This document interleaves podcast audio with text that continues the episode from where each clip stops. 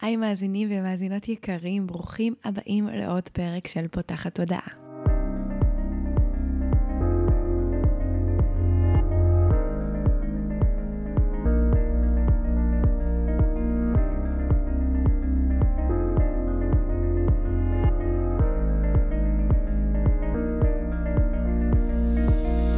זו הפעם הראשונה שלכם כאן, פותחת הודעה היא תוכנית שנועדה להעביר רעיונות, לאתגר תפיסות קיימות ולפתוח את צורת החשיבה האוטומטית והנהוגה שלנו לכל מיני כיוונים חדשים. אני ניצן אלפסי, המנחה של הפודקאסט הזה, אני מנחת קבוצות, מאמנת תודעתית ומלווה תהליכי העצמה אישית בעזרת כלים מעולמות התת-מודע, האנרגיה והרוח, ובפודקאסט הזה אני גם מראיינת וגם מעבירה פרקים בעצמי על נושאים שפוגשים אותי ומסקרנים אותי, ואני חושבת שהם בעלי ערך. בפרק של היום אירחתי את לינדה נתן כהן, שהיא מנחת קבוצות ומורה לתקשורת מקרבת, והזמנתי אותה כדי שנדבר על איך ליצור מערכות יחסים עמוקות. אני... יצא לשמוע הרבה על זה שהמנבא מספר אחת לאושר, יותר מהגשמה עצמית, יותר מכסף, יותר מכל דבר אחר, זה מערכות יחסים עמוקות, לא משנה אם הן זוגיות או חבריות, ולדעתי אנחנו כבר פחות יודעים ליצור כאלה. אנחנו נמצאים בעולם שיש בו הרבה ריחוק, הרבה הסתגרות, הרבה שואו ומעט מדי פגיעות, והפרק הזה מדבר בדיוק על זה.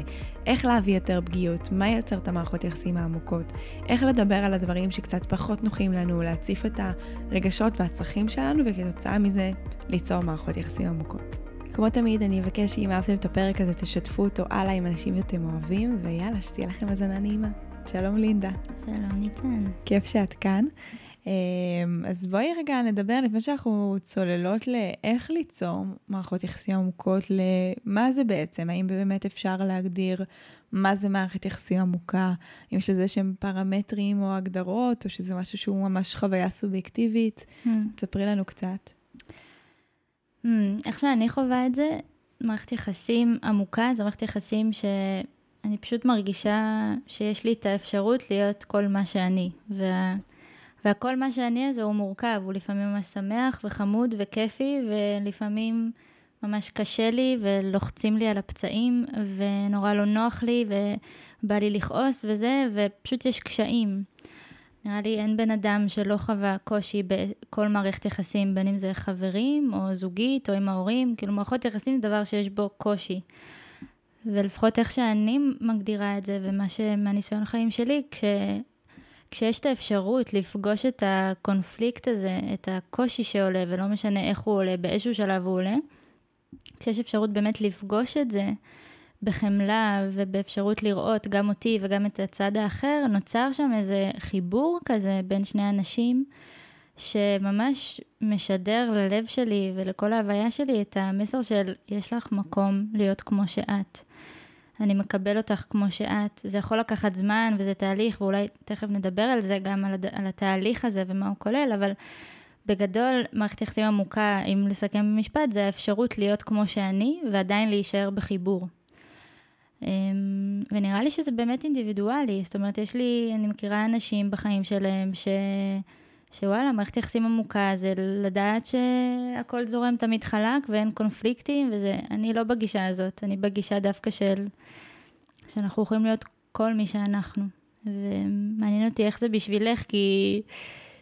כן, סקרנית. אני, אני שמחה שאת אומרת את זה, כי אני חושבת שאת מנרמלת פה משהו חשוב. זאת אומרת, אני רואה את זה הרבה בזוגיות, המקום הזה של רגע, זוגיות אה, טובה ובריאה היא זוגיות שהכל בה עובד טוב ויש זרימה וחלק, וזוגיות, כמו כל מערכת יחסים, היא, היא מכילה בעצמה, בתוכה, המון המון דברים. ואם אנחנו כל פעם שופטים מערכת יחסים כמערכת יחסים לא מספיק טובה, כי יש בה קשיים מכל סוג, אה, אני חושבת שאנחנו מפספסים את היכולת גדילה הכי גדולה של המערכת יחסים הזו, כי... אם אני צריכה לשים את האצבע על מי בחיים שלי אני חווה איתו מערכת יחסים עמוקה, זה בהכרח אנשים שהצלחתי להתגבר איתם על קונפליקטים מסוימים שחווינו, או על אי נעימויות, על משהו שהם עשו והפריע לי והצלחתי לבוא ולהגיד להם, אה, או ההפך, שהם באו ופתחו בפניי משהו שעשיתי ופגע בהם, או גרם להם להרגיש איזשהו אי נוחות. ואני חושבת שמערכות יחסים עמוקות זה באמת, כמו שאמרת, מערכות יחסים שאני יכולה לאפשר לעצמי להיות בהם מי שאני, ובעיקר לדבר את כל מה שאני מרגישה בתוכה, בלי ללכת על ביצים, אני אקרא Mm. לזה. כאילו, היכולת הזו באמת להתמסר למה שאני מרגישה ולחוויה שלי, אה, ולהצליח להוציא את זה החוצה, בלי להיות עסוקה. אני מכירה כל כך הרבה מערכות יחסים, גם של אחרים, אבל גם שלי, בחיים שלי, שאני לפעמים מרגישה שאני לא יכולה להגיד את הכל עד הסוף. אני צריכה קצת להסתיר. כן, אה, אני לא יודעת אם הייתי קוראת לזה להסתיר כמו להגיע לקצת פינות, מהמם. או לעדן את האופן כי מה? שאני אומרת דברים. כי אולי הצד השני ייפגע, אולי זה עכשיו יתפתח לדרמה. יש לי איזה עניין כזה, שמתי לב לזה, אה, שבתקופות של כזה בית ספר, תיכון, הייתי הרבה בדרמות כזה, הרבה כזה, זו תקופה כזה של אני והחברה הכי טובה שלי בריב, אז אנחנו משלימות, אחרי שכתבתי לה מכתב סליחה של שלושה עמודים, תמיד גם הייתי זאתי שמבקשת סליחה, ואז היינו רבות, לא, אני תמיד מבקשת סליחה, לא, זה, הייתי לא בסדר. וכאילו, אני מרגישה שהשנים האחרונות, זה גם חלק מההתבגרות, כאילו כוללת את המקום הזה של אין לי יותר ריבים וסרטים כאלה עם אנשים. ואז יצא לי גם לחשוב על זה לאחרונה, האם אין לי את הקונפליקטים האלה בכלל, בעיקר עם חברות אני רואה את זה, כי אולי אני פשוט לא מאפשרת לאף אחד להיות מספיק קרוב אליי בשביל להצליח לפתח איזשהו קונפליקט, או להצליח להיות מספיק קרובים בשביל לדבר על קיומו של הקונפליקט. כן. אז אה, זה ככה Mm. משהו שאני חושבת עליו המון, כן. שאני חושבת שגם קצת נפגעתי אה, מהחוויות האלה בגילאים היותר צעירים, של זה נורא מלחיץ אותי שמישהו רב איתי, או שמישהו חושב עליי דברים מסוימים, או אה, חושב שאני בן אדם רע, או מדבר עליי דברים כאלה או אחרים. היום כאילו ברור שאני מבינה שזה חלק מהחיים, אבל אני עדיין מזהה את המקום הזה בתוכי, שקצת מפחד להתקרב כדי לא לפגוע ולצאת הלא בסדר. כן.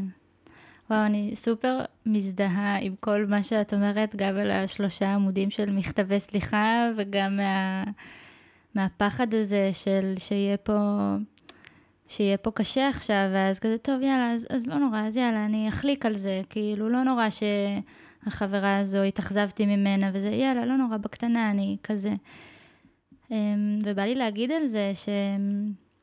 יש לי כל כך הרבה להגיד על זה, לא יהיה איפה להתחיל, אבל אולי אני אתחיל מזה שבאמת לפי תקשורת מקרבת, כל שיפוט שיש לנו, לא משנה אם זה על עצמי או על מישהו אחר, שהיא הייתה לא חברה מספיק טובה, שההתנהגות הזו הייתה לא מספיק אה, נעימה, שכל שיפוט שיש לנו, זה בעצם אה, ביטוי טרגי של צורך שלא נענה. עכשיו, מה הכוונה? אמ, נגיד סתם, אני מרגישה שהאינטראקציה האחרונה עם חברה טובה שלי הייתה אינטראקציה שמצידה היא הייתה ממש לא חברית, היא הייתה אפילו נגיד מגעילה, היא הייתה אגואיסטית, זה השיפוטים שרצים לי, וכמובן שכשאני מזהה שזה השיפוטים שיש לי עליה, במיוחד אם אנחנו כאלה נחמדות, כמו שאני ואת, אז באמת קשה לנו לדמיין את עצמנו אומרות את זה, כי אנחנו יודעות שבטח וואי, זה יהיה לה קשה לשמוע את זה, היא תיפגע, היא תיעלב, או אפילו... מעבר לזה, היא תהיה כל כך עסוקה בלהתגונן, שבכלל זה שהיה לי לא נעים והיה לי פה משהו קשה, לא יהיה לזה מקום בכלל, כי כאילו כל מה שבעצם, אולי לא נודה בזה, אבל בתכלס, מה שאני אתעסק בו זה זה שהיא בעצם כן הייתה בסדר, ו... והאם אני בסדר שאני מרגישה את זה או לא. כאילו מין התחשבנויות כאלה. ומה שאני בתקשורת מקרבת כל כך כל כך אוהבת, זה שבעצם זה משחרר אותנו מהתפיסה הזו של...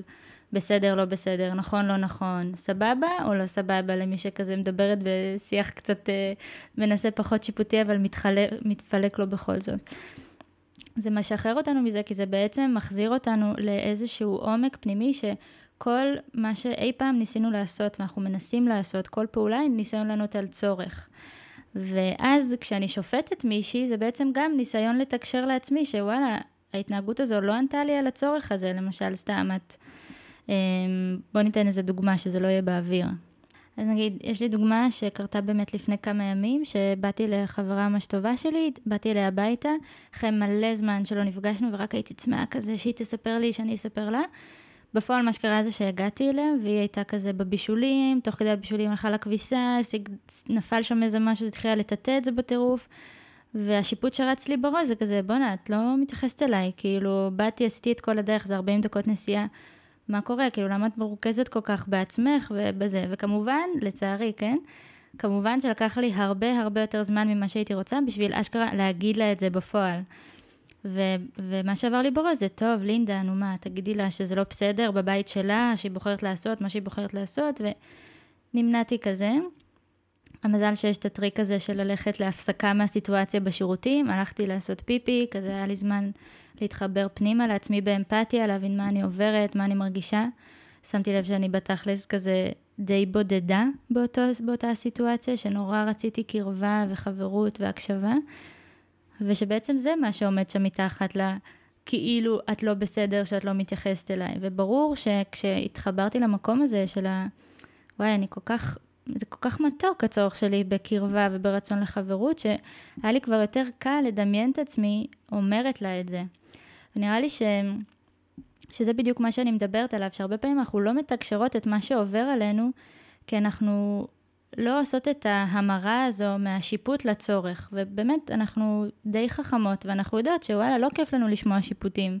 גם על עצמנו, כשלי מישהו אומר שיפוט, זה המון עבודה להצליח לראות אותו באמפתיה. ולהצליח לראות שבעצם הוא מנסה להגיד לי איזשהו משהו ש... ש... משהו כנה ומשהו פגיע מתחת לשיפוט הזה. שמתחת לכל שיפוט יש בעצם איזשהו ניסיון להביא את מה שחשוב לי, ואני רק קוראת לו עכשיו, את לא מספיק, או את כזה. זה לוקח זמן, אז אני בעצמי מנסה לעשות את העבודה הזו ולהביא את המסרים שלי בצורה כמה שפחות שיפוטית ויותר מחוברת לרגשות ולצרכים שלי. אז נגיד לבוא אחרי זה ולהגיד לחברה הזאת, תשמעי, את יודעת, אני כזה, אני מרגישה קצת נבוכה להגיד את זה, אבל אני שמה לב שאני כזה באי שקט, כי ממש הייתי רוצה כזה, איכשהו, לא יודעת, שנרגיש יותר קרובות עכשיו, ואני שמה לב שכשאת הולכת ומסדרת פה ומסדרת שם, כזה קשה לי, כי זה לא נותן לי את התחושה הזו של החברות עכשיו. אז מה דעת איך שנצא רגע למרפסת, וכזה נניח לדברים שיש לעשות, ונשב שם פשוט, ו... ומאותו הרגע כאילו היה איזה פשט, כאילו משהו בדינמיקה בינינו השתנה, וכאילו שנינו פתאום כזה... וואו, כזה רואות אחת את השנייה. ואני מכירה את הסיטואציות ההפוכות שבהן אין לי את האומץ, או אין לי את האפשרות בתוכי להבין מה עובר עליי, ואז אני לא מתקשרת את מה שהפריע לי, או את מה שבעצם אני כמהה לו, ואז זה פשוט נפגשים, אבל יוצאים בתחושה של עדיין ריחוק, כי כאילו בעצם לא הייתי אני, לא באמת הבאתי את מה שעבר עליי. אז מה בעצם אפשר לך להיות איתה השונה? זהו, אז נראה לי ש... מה שאפשר זה דבר ראשון, ובאמת זה הצעד הראשון בתקשורת מקרבת, זה דבר ראשון להתחבר פנימה לעצמי. שנייה לעזוב אותה, לעזוב את ההתנהגות שלה, ולזכור שכל פעם שעולה לי שיפוט, זה בעצם אומר שמשהו עובר עליי בפנים. אני אוהבת להסתכל על שיפוטים בתור אה, סוג של אה, מפת תוצר כזו, שהרבה פעמים כל מה שעובר עליי אני לא באמת יודעת, אני כזה בתוך העשייה של היום-יום, ובתוך מחשבות וזה, ואם אני אשאל את עצמי, מה אני מרגישה, מה אני צריכה עכשיו, הרבה פעמים ייקח זמן עד שהתשובה תעלה. והשיפוטים זה כאילו איזה קיצור דרך לזה, זה כמו שיש מפת תוצר, והשיפוט הוא ה-X על המפת תוצר, שאומרת לי, תחפרי כאן. זה כזה קיצור דרך למה באמת חשוב לי. אז באמת לקחת את השיפוט לזכור שהוא לא באמת אמיתי, אלא הוא רק צורת ביטוי מסוימת שכולנו למדנו בתרבות שלנו, שהיא מאוד שיפוטית, ככה לימדו אותנו ותקשרו לנו את הצרכים של אנשים אחרים, בין אם זה הורים ומורים וזה, ככה לימדו אותנו לתקשר את עצמנו, אבל בעצם להתחבר פנימה למה אני מרגישה, וכתוצאה מזה מה בעצם חשוב לי שם, מה אני צריכה, זה, אם אני אגיד את זה ככה, כלומר, אם אני קודם אתחבר לעצמי ואז אגיד את זה ככה, יש הרבה יותר סיכוי שמי שיקשיב לי, הלב שלו אשכרה ייפתח ללהקשיב למסר הזה. את מדברת הרבה ומשתמשת הרבה במילה שיפוטים, ואני רוצה רגע שלמי שפחות מכיר את השפה הזו, פחות אה, יצא לו לשמוע על זה, שתסביר לנו קצת מה זה אומר, או איך אני יכולה לזהות את השיפוטים האלה, כי נראה לי שמי שאולי לא רגיל כזה לחפור בשיח של עצמו, או ממש להיות בהתבוננות, לא תמיד יודע להבחין שהוא שופט, או שהוא נמצא באיזשהו שיפוט כלפי מישהו או כלפי עצמו, אז יש לך איזשהו כלל כזה לבוא ולזהות את זה? כן. Um, בגדול, איך שאני תופסת את זה, um, השיפוטים זה מין איזה תוצר לוואי של uh, תודעה תנית. מה הכוונה? תנית מהמילה תן, החיה תן. Uh, מי שהמציא את תקשורת מקרבת, דוקטור uh, מרשל רוזנברג, אז הוא בעצם קרא למודל של תקשורת מקרבת מודל הג'ירפה. וזה היה כאילו סוג של מודל חדש לעומת המודל הקיים שכולנו מכירים והתחנכנו עליו ומתורגלים בו ממש ממש טוב וכולנו מצטיינים בו, שזה בעצם התודעה השיפוטית הזאת, התודעה הזו של התן, הוא נתן לזה את הסמל של החיה תן. והתן הוא באמת יודע להגיד ממש ממש טוב מי בסדר, מי לא בסדר, מה ראוי, מה לא ראוי, מה נחשב יפה, מה מכוער, מה מוסרי, מה לא מוסרי. והוא יודע להגיד את זה על כל אחד, כל הזמן, כולל על עצמו. אמ, והוא יודע להגיד את זה, אחת הדרכים, דרך השיפוטים האלה, להגיד לך, את בסדר, את לא בסדר, זה היה חברי, זה לא היה חברי, זה היה נחמד מצידך, זה כזה. אמ, עוד צורה של השיפוטים האלה, שהיא הרבה יותר נסתרת, אבל אנחנו שמים לב אליה, בטח שאני אגיד אותה, תשימו לב לזה הרבה, כמה זה קיים, אז התודעה הזו שיש משהו שהוא אמור להיות, או צריך להיות. נגיד מחשבה של, האם יש לי איזושהי תפיסה בראש של איך חברות אמורה להיראות. זה ישר בעצם שם לי את, ה, את הפתק הזה בראש של מין, אוקיי, אז לפי זה אני עכשיו אשפוט כל התנהגות. ובעצם מה שזה עושה זה לוקח מאיתנו את האחריות על הצרכים שלנו, שאולי גם אני ארחיב רגע מה זה רגשות וצרכים. ש... עוד רגע, אני רוצה רגע רק שנייה לוודא ש... שהבנתי mm-hmm. ורגע לאשר איזשהו קו. אז בעצם מה שאנחנו מבינות ש...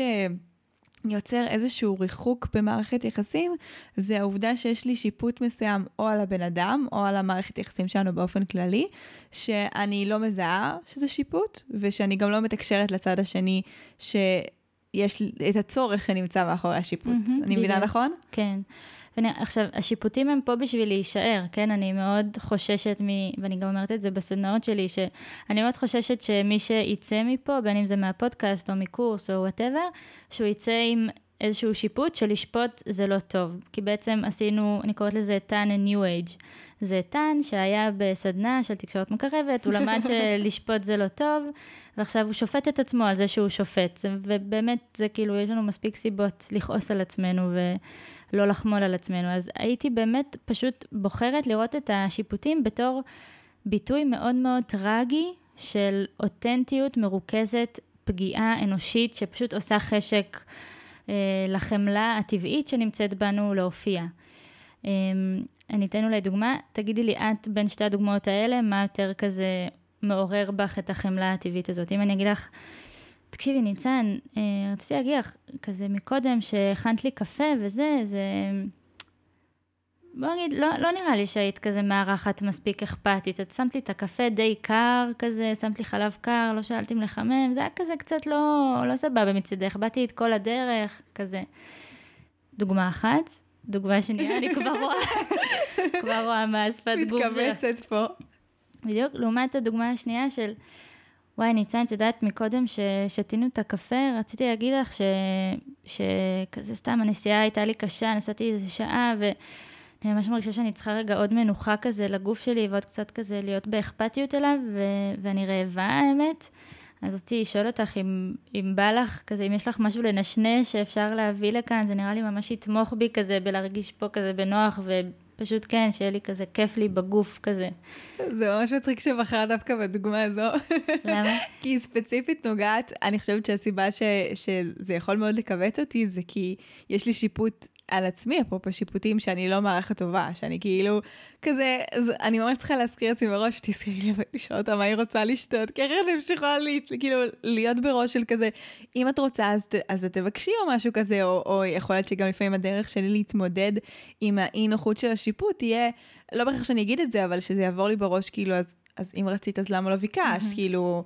או גם מצד שני אולי כזה, אולי גם שיפוט עצמי שלי, של רגע, אבל נכון, אני, אני שותה את החלב שלי עם, עם, חל, כן. עם חלב קר, את הקפה שלי עם חלב קר, כן. אבל אולי לא כולם כאלה. כן. אז... בכל אה, אופן, אבל אני שמה, כאילו, ממה שאת אומרת, התגובה הראשונה העלתה בך מלא כזה התגוננויות, מתקפות. אה, נכון. אה, בעצם כזה להסכים עם השיפוט וכזה להאמין לזה שאת לא בסדר, נכון? נכון. ומה עלה בך בדוגמה השנייה? זה היה הרבה יותר אה, נעים, כאילו, המקום הזה של, רגע, את אומרת מה את רוצה ומה את אה, צריכה. Hmm. אה, יכול להיות שגם שם אולי עדיין אני, מהמקום שלי הייתי כזה, יואו, איך לא חשבתי על זה, אולי שהיא, שהיא תצטרך את זה, או תרצה את כן. זה, או אולי זה התפקיד שלי כאילו, אבל גם זה סוג של אמור, זה בסוף אנחנו כל הזמן חוזרות לאמור הזה. אז, אז דבר ראשון, זה טוב שאת אומרת את זה, כי זה באמת לא מדעי, ואני גם מאוד לא אוהבת את כל הגישות האלה שאומרות, אם תעשו ככה וככה, אז תמיד התוצאה תהיה ככה וככה, כי אני חושבת שזה פשוט לא תואם את המציאות שלנו. אבל אני כן מאמינה שיש יותר סיכוי שאם נתקשר את עצמנו מהמקום של הרגשות ומהמקום של מה בעומק חשוב לי, יש יותר סיכוי שאת תהיי פנויה להקשיב לי. מה הכוונה? שאת לא תהיי עסוקה בכל הדברים האלה שעכשיו את שיתפת של, אה, אבל זה נכון, אה, אבל למה את לא בכלל אחראית, ולמה את כזה, ולמה אני כזו, כאילו, זה כל מה שקורה לנו בראש, וכשזה קורה בראש, הלב שלי לא יכול להיות פנוי להתעסק בך ובמה שעובר לך, וכשאני... בדוגמה שנייה, אמרתי, וואי, אני רוצה להרגיש בנוח, ואני עייפה מהנסיעה, ואני אשמח למשהו לנשנש, את לא צריכה להיות במתקפה שם. כאילו, ברור שיש סיכוי שעדיין זה ילחץ לך על כפתור, ואני כנראה לחצתי, אבל עדיין הלב איכשהו יותר פנוי להישאר פתוח ובאמפתיה ובחמלה. וזה, אגב, מערכות יחסים עמוקות, זה בעצם הרגע שבו אנחנו נפגשות, שפתאום את רואה אותי באיזושהי פגיעות שלי, עכשיו זו הייתה איזו דוגמה אולי קצת כזה לא הכי עמוקה, אבל בסדר. אמ, בכל זאת, זה יכול להיות נגיד רגע מאוד מתוק של חיבור, שאני אומרת לך כזה, וואי, אני עייפה, ואני זקוקה לאיזושהי תמיכה כזה פיזית איכשהו, וזה יכול להיות רגע ש, של התחברות למה חי בנו, במקום הכזה, טוב, יאללה, לא משנה, אני לא אגיד לה את זה בגלל שהיא תאכל סרטים על זה שהיא מארחת לא טובה. לא שחשבתי את זה, כן. אגב, כן. כאילו. אני שמחה. מעניין אותי איך מתגברים על, ה, על המבוכה הזו, כי המון פעמים כשאני כבר צולחת אותה ואני פותחת אה, מול הצד השני את מה שמפריע לי או את מה שמרגיש לי לא, לא בנוח, לרוב אני יוצאת כאילו שמחה כזה ואני אומרת, וואי, הנה, כאילו, אני חושבת שזה, שהמערכת היחסים שלנו עלתה אלף רמות. קצת כמו אחרי שרבים עם הבן זוג ואחרי שמשלימים, אז, אז הקשר מרגיש שהוא חזק יותר, שהוא לא חייב לריב, אבל זה בדיוק המקום הזה שמדבר רגע על דברים פגיעים, אבל יש גם פעמים שבהם זה נורא מפחיד אותי, כאילו, להציף לפעמים אפילו את הצרכים שלי, להגיד את ה... רגע, הנה נפגעתי, רציתי להרגיש פה שאכפת לך ממני, רציתי להרגיש אה, כאילו דברים כאלה או אחרים, ולפעמים אני מפחדת ש... עוד פעם, מה יחשבו עליי? יחשבו שאני ילדותית, יחשבו שאני כן. חצומי, שאני אולי אה, מפונקת, כאילו כל מיני מחשבות כאלה של אני חושבת שגם בשביל ליצור מערכות יחסים עמוקות, זה מין תובנה כזה שעולה לי עכשיו, אנחנו גם צריכים מעין כזה להיות בקבלה שלנו על עצמנו. כאילו, אני מאוד... אני, מתוך מה שאני אומרת, אני מבינה את זה ברמה עמוקה יותר. זאת אומרת, המערכת יחסים שלנו כמובן שהיא שיקוף למערכת יחסים שלנו עם האחרים, אבל אני חושבת שהתנאי להיות במערכת יחסים עמוקה עם מישהו זה קודם כל ה- להסכים להיות בקבלה של הדברים האלה שאני לא אוהבת ולא מקבלת בעצמי. כן. נראה לי בגלל זה באמת אמרתי בדוגמה עם החברה, שבאמת הדבר הראשון שעשיתי, וזה גם, אני כל הזמן מדברת על זה, הדבר הכי משמעותי שאני יכולה לעשות למערכות יחסים שלי עם אנשים אחרים, זה לתת לעצמי אמפתיה על מה שאני מרגישה. זאת אומרת, אמפתיה זה, איך שאני רואה את זה, זה לפגוש במלאות ולתת מקום למה אני מרגישה, למה אני צריכה. צריכה לא במובן של... אני צריכה גלידה, או אני צריכה שתביא לי במבה, אלא צריכה במובן של מה חשוב לי בעומק, קרבה, הקשבה, תמיכה, יש טבלת רגשות וצרכים שלמה שנותנת את זה ממש בשמות. ואני באמת חושבת שאנחנו לא מתורגלות בזה, ואולי הדבר הכי משמעותי שהייתי יכולה לעשות בשביל אחר כך להצליח גם לתקשר את זה, זה קודם כל להכיר את זה בתוכי. כי הרבה פעמים, אפילו כשאני שואלת את עצמי, לינדה, אני, אני קולטת שמשהו קורה, אני קולטת שאני לא בנוח, ואז שאני שואלת את עצמי, אבל מה קורה? כאילו, מה, מה, מה מפריע לך? אז מה שאני עונה לעצמי זה, היא לא בסדר, היא לא חברה מספיק טובה, לא אכפת לה ממני. זאת אומרת, אני יודעת להגיד עליה המון דברים, אבל אני לא יודעת להגיד מה אני עוברת באותו הרגע. וזה לא במקרה, כי האוצר מילים, ברמה הכי טכנית, האוצר מילים של רגשות ואוצר מילים של צרכים, זה לצערי מילים שאנחנו לא משתמשים בהם יותר מדי ביום-יום. מה למשל? למשל, סתם, אם אני, רוב השיחות שיש לי ששואלים, מה נשמע, אז מה עונים? סבבה, בסדר, אחלה, וזה. ולהגיע לדקויות האלה של אני מרגישה למשל אה, מתרגשת, אני מרגישה חוששת, אני מרגישה מפוחדת לאללה, אני מרגישה אה, בלחץ, אני מרגישה מאושר. כל, כל האוצר מילים הרגשי הזה, זה לא משהו שאנחנו משתמשים בו ביום-יום. ואם אני לא יודע להגיד על עצמי שזה מה שאני עוברת עכשיו, ובטח שלא על הצרכים, הצורך בקרבה, הצורך בחברות, יש רשימה ענקית של צרכים, לא ענקית, דף אחד, אבל רשימה ארוכה. אם אני לא יודע להגיד את זה לעצמי, אז עם כל הכוונות הטובות לעומק וזה, עדיין מה שיצא לי זה מה שאני יודעת, שזה מה אני מרגישה, אני מרגישה שאת לא אוהבת אותי. וזה משהו שישר הצד השני, יש לו שתי אפשרויות, או לתקוף, של מה את רוצה, אבל אני ככה, ואיך את לא רואה, איך את לא מעריכה, או להתגונן, שזה להאמין לשיפוט ולהתקפל ולרצות בעצם. והטרגיות של שתי, שני התוצאות האלה זה שלא בזה ולא בזה, לא נבנה שם אמון שאני יכולה להיות מי שאני בקשר הזה, והמי שאני, אני מתכוונת לא כזה, לא יודעת איך להסביר, אבל לא מי שאני בקטע של אה, אה, להרגיש בנוח, אלא מי שאני דווקא להביא את הדברים שאני לא מרגישה איתם בנוח, להביא את המורכבות, להביא את הזה, כי הרי בסופו של דבר קשר עמוק זה קשר שבו אני יכולה להרגיש בנוח. להביא את זה שמשהו עכשיו קשה לי ולדעת שאת תהיי איש אמיתי לחקור איתי את המקום הזה ואת לא תברחי. את תרצי לפגוש את זה, את תרצי לבנות, לחקור ביחד איתי איזושהי דרך חדשה שבה אנחנו נוכל לכלול את הצרכים החדשים שיתגלו כאן בשביל שלשתינו יהיה נוח בתוך הדבר הזה. זה מה שהופך מערכת יחסים למערכת יחסים עמוקה בעיניי. ואם אני לא יודעת להגיד לעצמי מה אני צריכה, אז ברור שזה לא יעלה בינינו, כי כאילו מה, את תנחשי את זה, כאילו יכול להיות אם את למדת uh, תקשורת מקרבת וכל זה, אבל לא הייתי בונה על זה, הייתי בונה קודם כל על לקחת על עצמי את האחריות הזאת, להבין מה עובר עליי, ולא רק כל הזמן לחשוב שהשיפוטים שלי על אחרים הם מה שעובר עליי, כי זה ממש קצה הקרחון, זה רק באמת ה-X שמסמן לי איפה לחפור פנימה בתוכי. מעולה, וואו, זה ממש מעניין. אז אמרנו שבעצם... אנחנו רוצות לשים לב לשיפוטים שלנו את אחרים, שיפוטים שלנו את עצמנו, כי הם מרחיקים. מה עוד מרחיק או מונע מאיתנו ליצור מערכות יחסים עמוקות בעינייך? Mm. כל כך הרבה. עוד משהו שממש אני שמה לב אליו בתוכי, שהמחשבה הזו של נגיד אני אמורה להתנהג עכשיו איכשהו. אה, ו, ו, וכשאני לא מביאה את ה... אני קוראת לזה השיחה התת-קרקעית שקורית בשיחה. נגיד, אה, עכשיו יש את מה שאנחנו אומרות, אבל יש גם את ה... מי מדברת ומי מקשיבה. האם אני מקשיבה עכשיו או האם אני מדברת? והרבה פעמים אנחנו נגיד, עכשיו לא, כי אנחנו הסכמנו שלא ניכנס אחת לשנייה בדברים בשביל הסאונד וכל זה, אבל בחיים האמיתיים, הרבה פעמים אנחנו מדברים, ואת מכירה את זה שכזה, אני אומרת משהו, ואז ישר הצד השני אומר משהו שקרה לו, ואז ישר אני אומרת משהו שקרה לי. ויש מין פינג פונג כזה, שבו אף אחד לא באמת נראה ולא באמת נשמע, ואף אחד לא באמת מקשיב.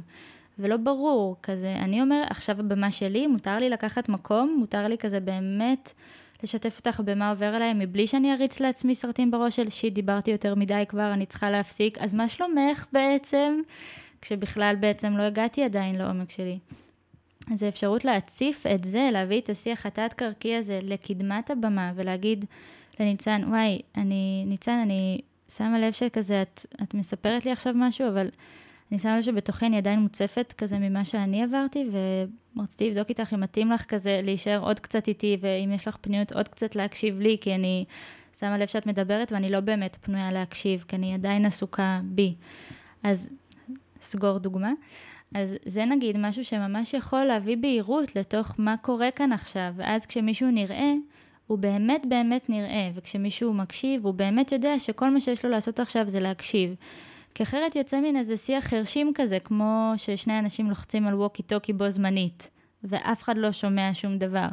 ו- ולפני שהכרתי תקשורת מקרבת, באמת הייתה לי הרבה את התחושה הזו, שמין נפגשתי עם אנשים, ויצאתי באיזו תחושה של ריקנות, שכאילו, דיברתי, אבל אין לי מושג, מה, מה את הבנת ממה שאמרתי? זה נחת לך בכלל איפשהו? את בכלל הקשבת לי? כאילו, כי... ואז אני מתח... התחלתי לחשוב בראש, רגע, אבל היא הסתכלה עכשיו שמאלה, מה זה אומר? שהיא לא מקשיבה לי יותר? שהיא עסוקה עכשיו במשהו אחר? וכאילו האפשרות פשוט להציף את הדבר הזה שרץ לכולנו בראש, ואנחנו אולי כזה כבר רגילות לזה ולכן לא שומעות את זה. להציף את זה בקול רם, זה ממש נותן איזה כמות כל כך מרוכזת של אמת, כי זה כל כך מה שחי בכאן ובעכשיו, שישר יש איזה מגנות כזה של הזמן הווה הזה, הוא כאילו כל כך מנכיח את שני הצדדים, שנראה לי פשוט צריך לנסות את זה בשביל אה, לחוות את זה. אני ממש מתחברת למה שאת אומרת, מעניין אותי באמת איך... את מתארת פה דברים שהם נורא נורא פגיעים, ומהחוויה שלי בקליניקה, ולפעמים גם ממש מהחיים שלי, הפגיעות הזו היא, היא א', היא נורא מפחידה, ב', זה משהו שאנחנו נורא נמנעים ממנו. Mm-hmm. איך בכלל ניגשים לכל השיח הפגיע הזה? כאילו זה, זה גם ככה פגיע להגיד לאנשים את האופן שבו, את הצרכים שלנו, ולהגיד להם גם מה השיחה הלא מדוברת, ואולי את זה שאנחנו לא פנויים להקשיב להם, או שאנחנו אולי מרגישים שהם לא מקשיבים לנו. איך מתמודדים עם כל הפגיעות הזו? פגיעות היא בעיניי א', ב' של, של, של מערכות יחסים קרובות, אי אפשר לדבר על מערכות יחסים קרובות בלי על פגיעות, אז מעניין אותי אם יש לך איזשהו טיפ או נקודה לככה חקירה עצמית או, או אימון של איך אנחנו יכולות להיות יותר פגיעות hmm. במקומות האלה, שזה כן. נורא מפחיד להיות בהם פגיעות. אז שוב, אולי אני לא מחדשת, אבל באמת התשובה גם לזה בעיניי זה לחזק את השורשים של כמה אני מסוגלת לתת לעצמי אמפתיה. כמה השריר הזה של ללכת, לפרוש עכשיו מהסיטואציה, לפרוש מהשיחה, לפרוש מהטררם שרץ לי בראש, ופשוט לאפשר לעצמי מקום למה אני מרגישה, ולהכיר ולהוקיר את הצרכים שלי העמוקים, זה לפחות אצלי, זה הקרקע שממנה אני, מר, אני מרגישה מספיק בטוחה גם לצאת לעולם. כי, כי אם יש לי את זה עם עצמי, אז, אז בעצם אני יודעת שאני לא ממש תלויה בזה שאת עכשיו תביאי את זה בשבילי, כי אני יודעת שטוב, אם את לא תביאי את זה, אז אני יכולה לחזור לזה בתוכי, לנראות שאני רוצה להביא אותה לעצמי. זה קצת כמו אה, אחרי סשן ממש טוב של בכי, אה, שיש איזו תחושה כל כך עמוקה של נראות בפני עצמי, שפגשתי את עצמי בחמלה כשנתתי לדמעות לצאת. את מבינה למה אני מתכוונת? כן, אני ממש מבינה. שזה כאילו נותן איזה קרקע כזו שממנה כבר יש לי איזה ביטחון כזה לצאת לעולם, לדעת שטוב, מה שלא יהיה, אני יודעת לתת לעצמי אמפתיה. וגם, אמ, זה מה ש... זה מה שגם איזה נקודה בחיים אה, הבנתי, הייתה איזה נקודה בחיים שכל כך נפגעתי מהאנשים, שאני זוכרת שאפילו כתבתי ביומן שאני לא הולכת להיות תלויה באף אחד. אני יצאתי למסע של איך אני לא הופכת להיות תלויה באף אחד. היה לי כל מיני טכניקות, כל מיני זה, אני אפתח את עצמי, אני כזה. ובאיזשהו שלב הבנתי שבואנה לינדה, כאילו את, את, לא רק את, כולם, אנחנו יצורים חברתיים, וכאילו זה שאנחנו תלויים בבני אדם זה ב-DNA של להיות בן אדם. זאת אומרת, אין, אין דרך להתחמק מזה, נולדתי לתוך הורים שהייתי תלויה בהם. גם עכשיו, כאילו, משהו מה, מהצרכים הכי בסיסיים שלה בפן הפסיכולוגי זה שאני אהיה בקשר, שאני אהיה באיזושהי תלות מסוימת. ברור שאובר תלות זה כבר מצב שהוא לא בריא והוא מזיק לשני הצדדים, אבל תלות מסוימת היא, היא הכרחית. וברגע הזה שהבנתי שאין לי דרך להתחמק מתלות, הבנתי שאין לי דרך גם להתחמק מזה שאני אהיה פגיעה. כי כשאני לא בוחרת להיות פגיעה, אני גם בעצם לוקחת מעצמי את האפשרות של להיות בחיבור, שזה בעצם בעיניי תלות. תלות זה פשוט לאפשר לעצמי אה, להיות בחיבור, ממש כמו גשר שתלוי עליו כמו אה, תהום שתלויה עליו גשר, אז הגשר תלוי על התהומות, אבל אז מתאפשר חיבור אמיתי. ובעיניי זה הדבר הכי משמעותי שיכלתי להעניק לעצמי, את ההבנה שרק אם אני אהיה פגיעה, באמת יתקיים חיבור, שזה מה שבעומק שלי אני מאמינה שכולנו רוצים. וברור שאי אפשר לעשות את זה עם כל אחד, ולא תמיד, וברנה בראון מדברת על זה ש... זה לא שאתה פשוט מין, מתחיל מפגיעות, אלא יש מין איזה אה, ריקוד קטן כזה של קודם קצת אמון נבנה, ואז מביאים קצת פגיעות, ואז הקצת פגיעות שמביאים, היא בונה עוד קצת אמון, ואז זה מתאפשר להביא פגיעות עוד יותר גדולה. אז כאילו לא הייתי גם, אני גם אוהבת לסמוך על עצמי ולתת את הכבוד לזה שבואנה עכשיו זה ממש לא מרגיש לי בטוח להביא את הפגיעות הזאת לפה, אני לא רוצה כזה לצאת אה, עם מסר של תביעו פגיעות ותתאבדו על זה, כי גם המנגנוני הגנה שלנו הם גם חשובים, ולעבור אותם באיזושהי בוטות זה גם משהו שיכול לעשות לנו טראומה. אבל אני כן חושבת שרובנו רגילים לטיפה ל... אה, בלשון המעטה, אנחנו נורא מסתגרים בתוך המוגנות שלנו, וכשאני מסתכלת על זה לעומק, זה לא עונה לנו על הצורך בביחד, על הצורך בקרבה, באינטימיות. אז uh, אני בעד לשקשק קצת את האזור, את האזור נוחות הזה, ומה שמאפשר לי לשקשק את האזור נוחות הזה ולהביא יותר פגיעות, זה שוב מה שהתחלתי ממנו, זה לדעת שגם אם זה יהיה לי קשה, אני אוכל לחזור לאמפתיה לעצמי ולפגוש את זה וכזה. זה מעניין, זה ממש אה, מתחבר להרבה מאוד uh, תכנים ש... שאני מדברת עליהם, זאת אומרת, uh, חידשת לי בנקודת מבט שלך לגבי תלות, כי אני מאוד מגיעה ממקום של כן, פגיעות, והמקום הזה של להתחבר לעצמי ולהיות הקרקע הזו לעצמי ולדעת שיש לי אותי. אה, אבל כן, אני בסוף מדברת על זה הרבה בתוכניות שלי, של אנחנו לא רוצות להיות, להיות תלויות באנשים אחרים. ואני חושבת שניסחת את זה בצורה ממש מעניינת, של רגע לבחון מחדש את התלות הזו, ואולי זה, זה בסדר שיש תלות, אבל לא תלות אובר. זאת אומרת, אה, אני יודעת שבתקשורת מקרבת מדברים על זה, שבן אדם הוא לא יהיה האסטרטגיה הבלעדית שלי למילוי הצרכים. זאת אומרת, לדעת שאוקיי, יש אנשים בחיים שלי או דברים בחיים שלי שעונים לי על צרכים כמו חופש, ביטחון, אהבה ושייכות, אבל יחד איתם, לכל אחד מהצרכים יש לי גם את הדרך העצמאית שלי למלא אותם. אז אולי זה באמת חידוד חשוב של כאילו... להיות כן בחיבור הזה וכן בכוונה הזו להיעזר בעוד אנשים למילוי הצרכים שלנו, או לחוויה של תחושות מסוימות, אבל לא בצורה שבלעדיהם אין לנו את זה. זאת אומרת כן. שגם אנחנו יודעים מתוכנו למלא את זה. כן. זה, זה נראה לי באמת איזשהו אה, ריקוד כזה שהוא... אה, אגב, תקשורת מקרבת, זה ריקוד של גם וגם, לעומת הריקוד שאנחנו רגילים של או זה או זה, או אני או את, או טוב או רע, כאילו אין אפשרות לגם וגם. אה, אין אפשרות להכיל מורכבות, אז גם פה אני מאמינה שנדרשת מאיתנו לפתח, אנחנו נדרשים לפתח איזושהי מיומנות חדשה של להחזיק כמה אסטרטגיות ביחד. זאת אומרת, גם האפשרות למלא לעצמי את הצרכים בעצמי, היא לא פוסלת את זה שעדיין חלק נכבד ממה שבפועל בא לי זה למלא את הצרכים האלה עם אנשים אחרים, עם האנשים שיקרים לי. אה, והרבה פעמים אני חושבת ש...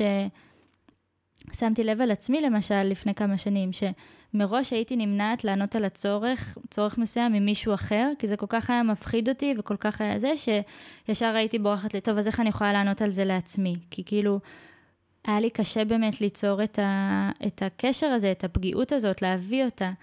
ובאופן מפתיע, היה לי קשה, כאילו, היה לי קשה להביא אותה בגלל שלא היה ביטחון, אבל באופן מפתיע ופרדוקסלי, כשהבאתי את הפגיעות, זה יצר את הביטחון שכל כך הייתי צריכה. לגמרי. כן. חזק. אז איזה עוד דברים או דרכים יש לתקשורת מקרבת לעזור לנו mm. ליצור מערכות יחסים עמוקות שלא דיברנו עליהן? דבר ראשון, אמ, ודיברנו על זה קצת עכשיו, ש, שבאמת לקחת אחריות על הצרכים שלי, כי הרבה פעמים, אה, כאילו, את אמרת את זה ככה כדרך אגב כזה, אבל נראה לי זה משהו להתעכב עליו, שכל צורך שלי, למשל, ניקח את הצורך בקרבה, יש המון דרכים, למעשה אין סוף דרכים לענות על הצורך הזה. צורך, כשאני אומרת צורך, אני מתכוונת למשהו שהוא בתוכי ושהוא מופשט. למשל, צורך בקרבה, לא ממש ברור מה זה. יש קרבה שאני מרגישה דרך האסטרטגיה של לכתוב ביומן. יש קרבה שאני מרגישה דרך עכשיו, לפני כן בסלון, לשתף אותך במשהו. יש קרבה של אחר כך אני אתקשר לבן זוג שלי ואדבר איתו. יש המון המון אסטרטגיות שונות. לענות, אסטרטגיה זה משהו פרקטי, זה דרך מסוימת, זה משהו עם כתובת, עכשיו הכתובת זה ניצן. מקודם זה היה הכתובת אני, אחרי זה זה יהיה כתובת בן זוג שלי. אה, לענות על הצורך המופשט הזה שאין לו ממש צורה אחת, אין לו כזה. וכשאני מכירה בזה שהצורך הזה הוא, הוא בתוכי והוא לא אצלך, אלא הוא בתוכי, זה מאפשר לי לבוא עם איזושהי אחריות על זה ובעצם להפוך אותך ל... לשותפה לעזור לי למלא את הצורך ולא לחייבת או הצורך הזה יתמלא רק כי אני תלויה בך באופן בלעדי. וזה נראה לי משהו ש... שלצערי לא מספיק אנשים מכירים אותו, כאילו לא מכירים את זה בעצמם, שהצרכים הם לא של, הם לא של האחר למלא, אלא זה שלי למלא, האחריות למלא את הצרכים היא שלי. אמ, ואני שמה לב לזה, אפילו, אולי אני אדגים, אמ, במין, יש דרך מסוימת שאנשים מבקשים משהו, מבלי שהם מבקשים, שממש חוטאת לדעתי למטרה של הקרבה שבשמה אנחנו מבקשים. אז אני עושה שוב את הטריק הזה של אה, שתי דוגמאות, תגידי לי מה יותר אה, עובד לך. אז ניצן, רציתי להגיד לך שאני מרגישה עכשיו קצת איזה מועקה כזו, אני שמה לב שכזה אני מרגישה לא בנוח, ויש לי מלא מחשבות אה, אם אני מדברת מספיק טוב, אם את מרוצה, אם את כזה, אני חוששת, ואני שמה לב שאני, שאני זקוקה כזה ל... כן, לאיזה הערכה, לאיזשהו צורך לכזה הערכה, ל... כן. השקט הזה הוא בכוונה. רק עכשיו סיימתי את הדוגמה. והדוגמה השנייה זה, ניצן, אני שמה לב שאני מרגישה לא בנוח ואני מוטרדת וכזה, אני שמה לב שכזה ממש חי בי הצורך להערכה, כזה, כן, והייתי שמחה לשמוע, אם, אם מתאים לך, תרגישי גם בנוח להגיד לא, אבל אם מתאים לך, להגיד לי נגיד משהו אחד ש, שאת מעריכה, שאמרתי עד עכשיו, או משהו שאהבת שאמרתי, נראה לי זה ממש יעזור לי לצורך הזה בהערכה. אז משתי הדוגמאות האלה, מה יותר עבד, מה יותר אה, פתח לך את הלב אליי נגיד? אני חושבת שהשנייה, כי יותר אמרת לי מה אני יכולה לעשות בדיוק. שיכול לעזור לך, אבל שאלה שעלתה לי מתוך זה, זה איך את אולי לא מרגישה במקום הזה. נכון שכאילו נתת לי בחירה ואמרת לי שאני לא חייבת, אבל יש, אני חושבת הרבה פעמים, מין תחושה כזו שאם אני מבקשת משהו, אז הצד השני ירגיש חייב לתת לי, ושאם הוא ייתן לי, אז הוא עשה את זה לא כי הוא רוצה, אלא כי ביקשתי. Mm-hmm. ואז נניח ספציפית במקום הזה של הערכה, זה יכול לשים אותי במקום מאוד לא נוח אם אני זאתי שמבקשת. Mm-hmm. כאילו אני נמצאת במין מלכוד כזה, כי מצד אחד ביקשתי את מה שהייתי צריכה, מצד שני, אני מרגישה שקיבלתי אותו רק כי ביקשתי, ולא mm-hmm. כי הבן אדם השני באמת מעריך. כן. זאת אומרת, את אומרת, אם מישהו נותן לי משהו רק כי ביקשתי, אז זה אומר שהוא לא באמת שמח לתת את זה, כי אחרת ברור שהיית עושה את זה לבד על דעת עצמך. יכול להיות, כאילו ברור לי שכשאת שואלת את זה ככה, אז שיש כן. יותר מאפשרות אחת, ושיכול להיות שהוא כן. שכח, לא, לא ידע כמה זה חשוב לי, אנחנו בסוף גם מביעים הערכה בדרכים שונות אה, וכולי, אבל כן זה המקום הראשוני הזה של האם הבן אדם עשה את זה כי הוא באמת רצה, כן. או כי אני ביקשתי. זהו, זו נקודה סופר דופר חשובה, פשוט בגלל ש... בגלל הסיבה הזו, אנשים נמנעים מלבקש. ואז אני שנייה מתחברת לדוגמאות שהבאתי, ואז באמת יוצא מצב שאני אומרת לך, ניצן, אני צריכה קרבה, ומצפה לבד שאת תדעי בעצמך, על, לפי כאילו מהמוח החמוד והקטן שלך, שאת תצליחי להיכנס לתוכי, למוח שלי, ללב שלי, לסחוט שם בין כל המלא אינפורמציה, לדלות מה בעצם אני רוצה, ולעשות את זה על דעת עצמך, ואז לזה אני קוראת, אז רק זה נחשב באמת. כשבפועל אין לך את היכולת הזאת, גם לא משנה אם בן זוג שלך, שאת הכי מכירה אותו בעולם, הכי כאילו כזה, יהיה מצב שבו הוא ירצה משהו שלא היה לך שום דרך לנחש את זה, שזה, שהוא רצה את זה. ונראה לי ההבנה הזו שבעצם אנחנו, לצערי, כן, לא קוראים אחד לשנייה את המחשבות, לא משנה כמה זמן אנחנו גרים ביחד ושותפות וחברות הכי טובות מכיתה א', אני על עצמי, אני יצור משתנה ודינמי, ויש לי המון אסטרטגיות לענות על כל מיני צרכים, והאסטרטגיות האלה משתנות, ויום אחד בא לי ככה, ויום אחד בא לי ככה, ויום אחד זה שעכשיו תקשיבי לי, יענה לי על הצורך בקרבה, ויום אחר זה שתשתפי אותי, יענה לי על הצורך בקרבה. אז אין דרך לדעת, כי כל, אסטרט... כל צורך יש לו המון אסטרטגיות לענות עליהן. זה לא תמיד קרבה שווה Y, או תמיד אה, אינטימיות שווה X. יש המון דרכים, ולכן זו אחריות שלי גם לתקשר את הדבר הזה. ולכן כשאני לא מתקשרת בעצם את איך אני רוצה לענות על הצורך, או איך אני אשמח לענות על הצורך, את מרגישה לחץ. אמרתי לך, אני זקוקה להערכה, ושתקתי, וסביר להניח, אני מנחשת שמה שעבר לך בראש זה, אוי שיט, אימא'לה, מה אני אמורה לעשות עכשיו? אה, היא רוצה הערכה, איך אני עולה, איך אני עונה לה על הצורך בהערכה? אני צודקת? כן. כן. אז אותו, אותו דבר, בטח שבסיטואציות יותר מורכבות, עם בני זוג או חברות טובות, או סתם חברים, שאני אומרת, תקשיבי, אני צריכה עכשיו כאילו התחשבות. אני צריכה התחשבות. כן, זו מילה כללית. תדעי לבד מה זה אומר בשבילי התחשבות ותעשי את זה. וזה חמוד, אבל זה פשוט לא ריאלי, ונראה לי כדאי שנודה בזה שזה לא ריאלי, כי אז רק ככה אנחנו נפסיק להתאכזב. אז אם היינו רוצות בעצם לעשות מעין אה, ככה תבנית כזו, אני באמת רוצה שככה נסכם ונאסוף את הדברים לכל מי שהאזין. אם אנחנו רוצים עכשיו לבוא ו- ולתקשר את מה שאנחנו מרגישים ולבקש אה, מהצד השני שיבוא ו... יעזור לנו או ישתתף במילוי של הצורך הזה? יש לך איזה תבנית או מסגרת שאפשר להיעזר בה לתרגול בהתחלה? כן, אמ, זה מה שנקרא המודל של ארבעת השלבים של תקשורת מקרבת. אז דבר ראשון הייתי שמה לב באיזה שלב עלתה לי המחשבה או השיפוט או הטריגר הזה למה שמתחולל בתוכי כרגע. אמ, ואומרת, דבר ראשון, את התצפית בצורה הכי אובייקטיבית ונקייה של ניצן, כשעשית לי קפה ושמת חלב שקדים קר. אחרי זה להגיד מה הרגשתי באותו רגע, שוב מתוך אחריות של וואלה זה שלי, יכול להיות שבן אדם אחר, מי שהתראיינה פה לפניי, זה היה ממש סבבה, כאילו, זה, זה, זה, אנחנו פשוט בני אדם שונים, אז אצלי, אני ספציפית לינדה היום, זה לא היה לי כנראה נעים, ושמתי לב שזה העיר בי כל מיני רגשות. הדבר השלישי זה בעצם להבין שכל רגש הוא בעצם מחובר לאיזשהו צורך, הוא מין תופעת לוואי כזו של צורך. שמין כשצורך נענה, אני מרגישה רגשות נעימים. כשצורך לא נענה, אני מרגישה רגשות לא נעימים. אז גם כשצורך לא נעים קורה, לרוב אנחנו מנסות בכל מיני דרכים מאוד מאוד מתוחכמות, בין אם זה אלכוהול, נטפליקס, חשיבה אופטימית כזאת, אנחנו לא מכירות בכאב שלנו, וזה חבל, כי אז אנחנו מפספסות את הצורך, את, ה, את הדבר העמוק שחשוב לנו כל כך. ורק כשאני מתחברת אליו, ומין מסכימה באמת לשבת איתו, לפגוש אותו, להבין למה זה יקר לי, למה... למה הקשבה, כאילו, מה הקשבה מנסה להכניס לחיים שלי? להכיר במתנה שהיא מנסה לתת לי. מתוך המקום הזה אני יכולה אחרי זה להוריד את זה חזרה לקרקע ולחשוב, אוקיי, אז אה, מה בעצם, אני, מה בעצם יכול לקרות שיענה לי על הצורך הזה? ולהפוך את זה לבקשה.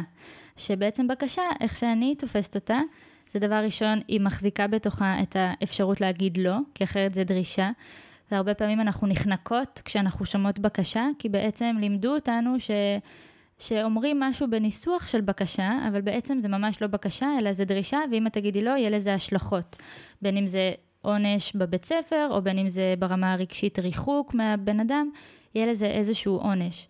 אה, וכשבעצם, איך שאני חווה את זה, כשאני אומרת למישהו לא, אני סך הכל אומרת כזה, היי, יש לי כאן גם צורך שלא יענה באסטרטגיה הספציפית הזאת, מה דעתך שננסה לחשוב על אסטרטגיה אחרת, שגם תענה על הצורך שלי, שבשבילו אני אומרת לא, וגם תענה על הצורך שלך, שמתוכו את מבקשת את מה שאת מבקשת. כלומר, בקשה היא אסטרטגיה אחת. וכשאני זוכרת שהבקשה מחוברת לצורך מופשט, עמוק הרבה יותר, אז מתפתחת אצלי איזושהי אה, תחושה של אורך רוח לגבי הבקשה, לגבי הדיאלוג שאפשר להיות בבקשה. כי בדרך כלל אנחנו מבקשים משהו, ואם אנחנו מקבלים לא, אנחנו בטוחים שזה זהו, נקודה סוף משפט, מפרקים את החבילה, כנראה זה לא הולך, צריך להתנתק, כזה, אנחנו, נורא קשה לנו להישאר אחרי שאנחנו שומעים לא, או שומעות לא. ומה שאני מנסה להביא זה איזושהי מחשבה כזו, שבעצם הלא הוא, הוא פסיק, הוא שלוש נקודות, זה בעצם לא, וחשוב לי, זה בגלל שחשוב לי ככה וככה, ובעצם שם מתאפשר החיבור העמוק הזה. וכשאני מסוגלת להגיד לא, וכשאני מזכירה לך שאת ממש מוזמנת להגיד לא, מה שבעצם המסר העמוק של זה, זה בעצם, יש פה מקום לכל הצרכים שלנו. את לא צריכה לוותר על הצורך שלך בשביל לענות על הצורך שלי. שזה המשחק שאנחנו רגילות. אנחנו רגילות לעשות או מה שחשוב לי, או מה שחשוב לך. ובגלל זה אנחנו לא נעים לנו להגיד לא, כי כאילו מה, אני עכשיו אכניס משהו שחשוב לי, את מבקשת עכשיו משהו. זה ג'יבריש מה שאני אומרת? לא, שאת... אני אה, לגמרי יכולה להתחבר, okay. אוקיי. אני חושבת שזה גם מאוד פותח את התפיסה שלנו לזה שזה, אנחנו לא באים אחד על חשבון השני. בדיוק. נורא לימדו אותנו במלא mm-hmm. תחומים, שאם יש לי, אז אין לו, אם יש לו, אז אין לי, ואז אני חושבת שזה גם מה שמייצר את הנפרדות הזו, כי בדיוק. אנחנו לא ביחד, אנחנו אחד אל מול השני. אמ, וזה, וממש אהבתי את המקום הזה של לשים את השלוש נקודות, כי זה יוצר פתח. אז בעצם את אומרת שאנחנו אה, רוצים, אחרי שאנחנו מבינים שאנחנו מתקשרים את השיפוט, ש... סליחה, אנחנו מתקשרים את העובדות שלנו, ואז אנחנו בעצם באים ואומרים מה אנחנו חווינו בהרגשה הסובייקטיבית שלנו, ואז אנחנו מדברים על הצורך שלא נהנה, ואנחנו בעצם מזמינים כן. את הצד השני לבוא ולהצטרף לעזור לנו במילוי הצורך הזה בצורה כן, שתתאים גם ב... לו. להיות בחקירה משותפת של אז איך אפשר לענות על הצרכים האלה, וזה ממש חקירה משותפת. ועוד משהו שעלה לי, שנורא חשוב לי לדחוף את זה לפני שנסיים, שגם אני מאוד אוהבת להזמין את מי שנחשף לתקשורת מקרבת, וגם מי שלא, פשוט להדפיס את הטבלאות האלה של הרגשות וצרכים ולהשתמש בהם, כי אחרת, מה שיכול לצאת זה אם אני עכשיו מקשיבה לפודקאסט, ואני מנסה אה, לתרגל את זה בבית, אז מאוד בקלות יכול לצאת לי משהו כמו, היי, אה, תקשיב, רציתי להגיד לך שכשזה קרה, הרגשתי שאתה לא אוהב אותי, והרגשתי שאתה לא רואה אותי, שזה אמנם מתחיל מהרגשתי, אבל זה בעצם, אני עדיין בלופ הזה של השיפוטים, במחשבות, ועדיין סביר להניח שכשתשמעי את זה, למרות שהתחלתי מהרגשתי, סביר להניח שכשאני אמרתי את את לא אוהבת אותי, את עדיין שוב עסוקה בלהתגונן בזה, ובעצם הלב שלך נסגר כי הוא עסוק בלהתמודד עם זה ולא בלהקשיב לי. מדהים, אז אנחנו נדאג אה, להעביר לכם את הטבלה הזו כן. ולהתנסות, מדהים, אני חושבת שזה היה פרק סופר מעשיר, ואותי הוא הוציא עם המון כיווני מחשבה, בא לי אפילו לעשות עוד אחד של אה, הרחבה והמשך, כי אני מרגישה שיש כל כך הרבה מה להגיד. ממש, זה ממש קצה הקרחון. לגמרי, ותגידי לינדה, איפה אפשר למצוא אותך למי שרוצה ככה ללמוד עוד ולהעמיק ולתקשר בצורה יותר טובה? אז גם אפשר למצוא אותי באינסטגרם, אפשר לכתוב אה, לינדה נתן, תקשורת מקרבת, ואתם תמצאו פרופיל עם אה, צבעי יסוד ולבן, אז זה אני. אה, וגם אפשר למצוא אותי בפייסבוק, בפייסבוק הוספתי את השם משפחה השני, אז אני לינדה נתן כהן בפייסבוק. ובאופן כללי אני רגע אמליץ שמי שמעניין אותו תקשורת מקרבת, אז פשוט יש ספר שהוא אמנם לדעתי מאוד מכוער מבחוץ, אבל הוא ממש זהב מבפנים. אה, קוראים לו תקשורת לא אלימה, שפה לחיים, וזה ספר שכזה ממש ממצה את זה. אז מי שסקרן אותו ובא לו כזה, חוץ מלחטט לי באינסטגרם שיש שם מלא מלא תוכן, אפשר גם פשוט לקרוא את הספר והוא ממש מסדר את זה, והמלצה מעולה בעיניי למי שסקרן. מדהים, תודה רבה לינדה. תודה רבה ניתן. לסיכום הפרק הזה, אני מזמינה אתכם להציף יותר את הרגשות והצרכים שלכם אל מול הצד השני ולשתף אותו איך יהיה לכם נעים, שהוא יעזור לכם למלא את הצורך הזה מתוך הבנה שהוא לא חייב, שהוא יכול להגיד לא וביחד תמצאו את הדרך שהכי מתאימה לשניכם. דיברנו על להציף את השיחה התת-קרקעית, אז לנסות לדבר יותר את מה שקורה בתוככם, שדווקא לא מדובר מעל פני השטח, ולזכור שכדי להיות יותר פגיעים ולהביא יותר את הפגיעות הזו החוצה, אנחנו רוצים להביא לעצמנו אמפתיה, לקבל את עצמנו כמו שאנחנו, ולהרגיש עם זה גם נעים ובנוח, כי אם לא זה, אז מה יש לנו בחיים האלה? להסכים להיות גם בתלות הזו, לראות בה גם את המקומות הטובים של החיבור, ובעיקר להיות פתוחים בלב שלכם למערכות יחסים עמוקות. אני מקווה שנהניתם מהפרק הזה, לפחות כמו שאני נהניתי ממנו. אני אשמח ממש ממש ממש אם תוכלו לשתף את הפרק הזה ברשתות החברתיות עם אנשים שאתם אוהבים, כדי שבאמת הידע המדהים הזה יגיע לכמה שיותר אנשים ויפתח להם את התודעה, ואנחנו נתראה בעוד פרק בפעם הבאה.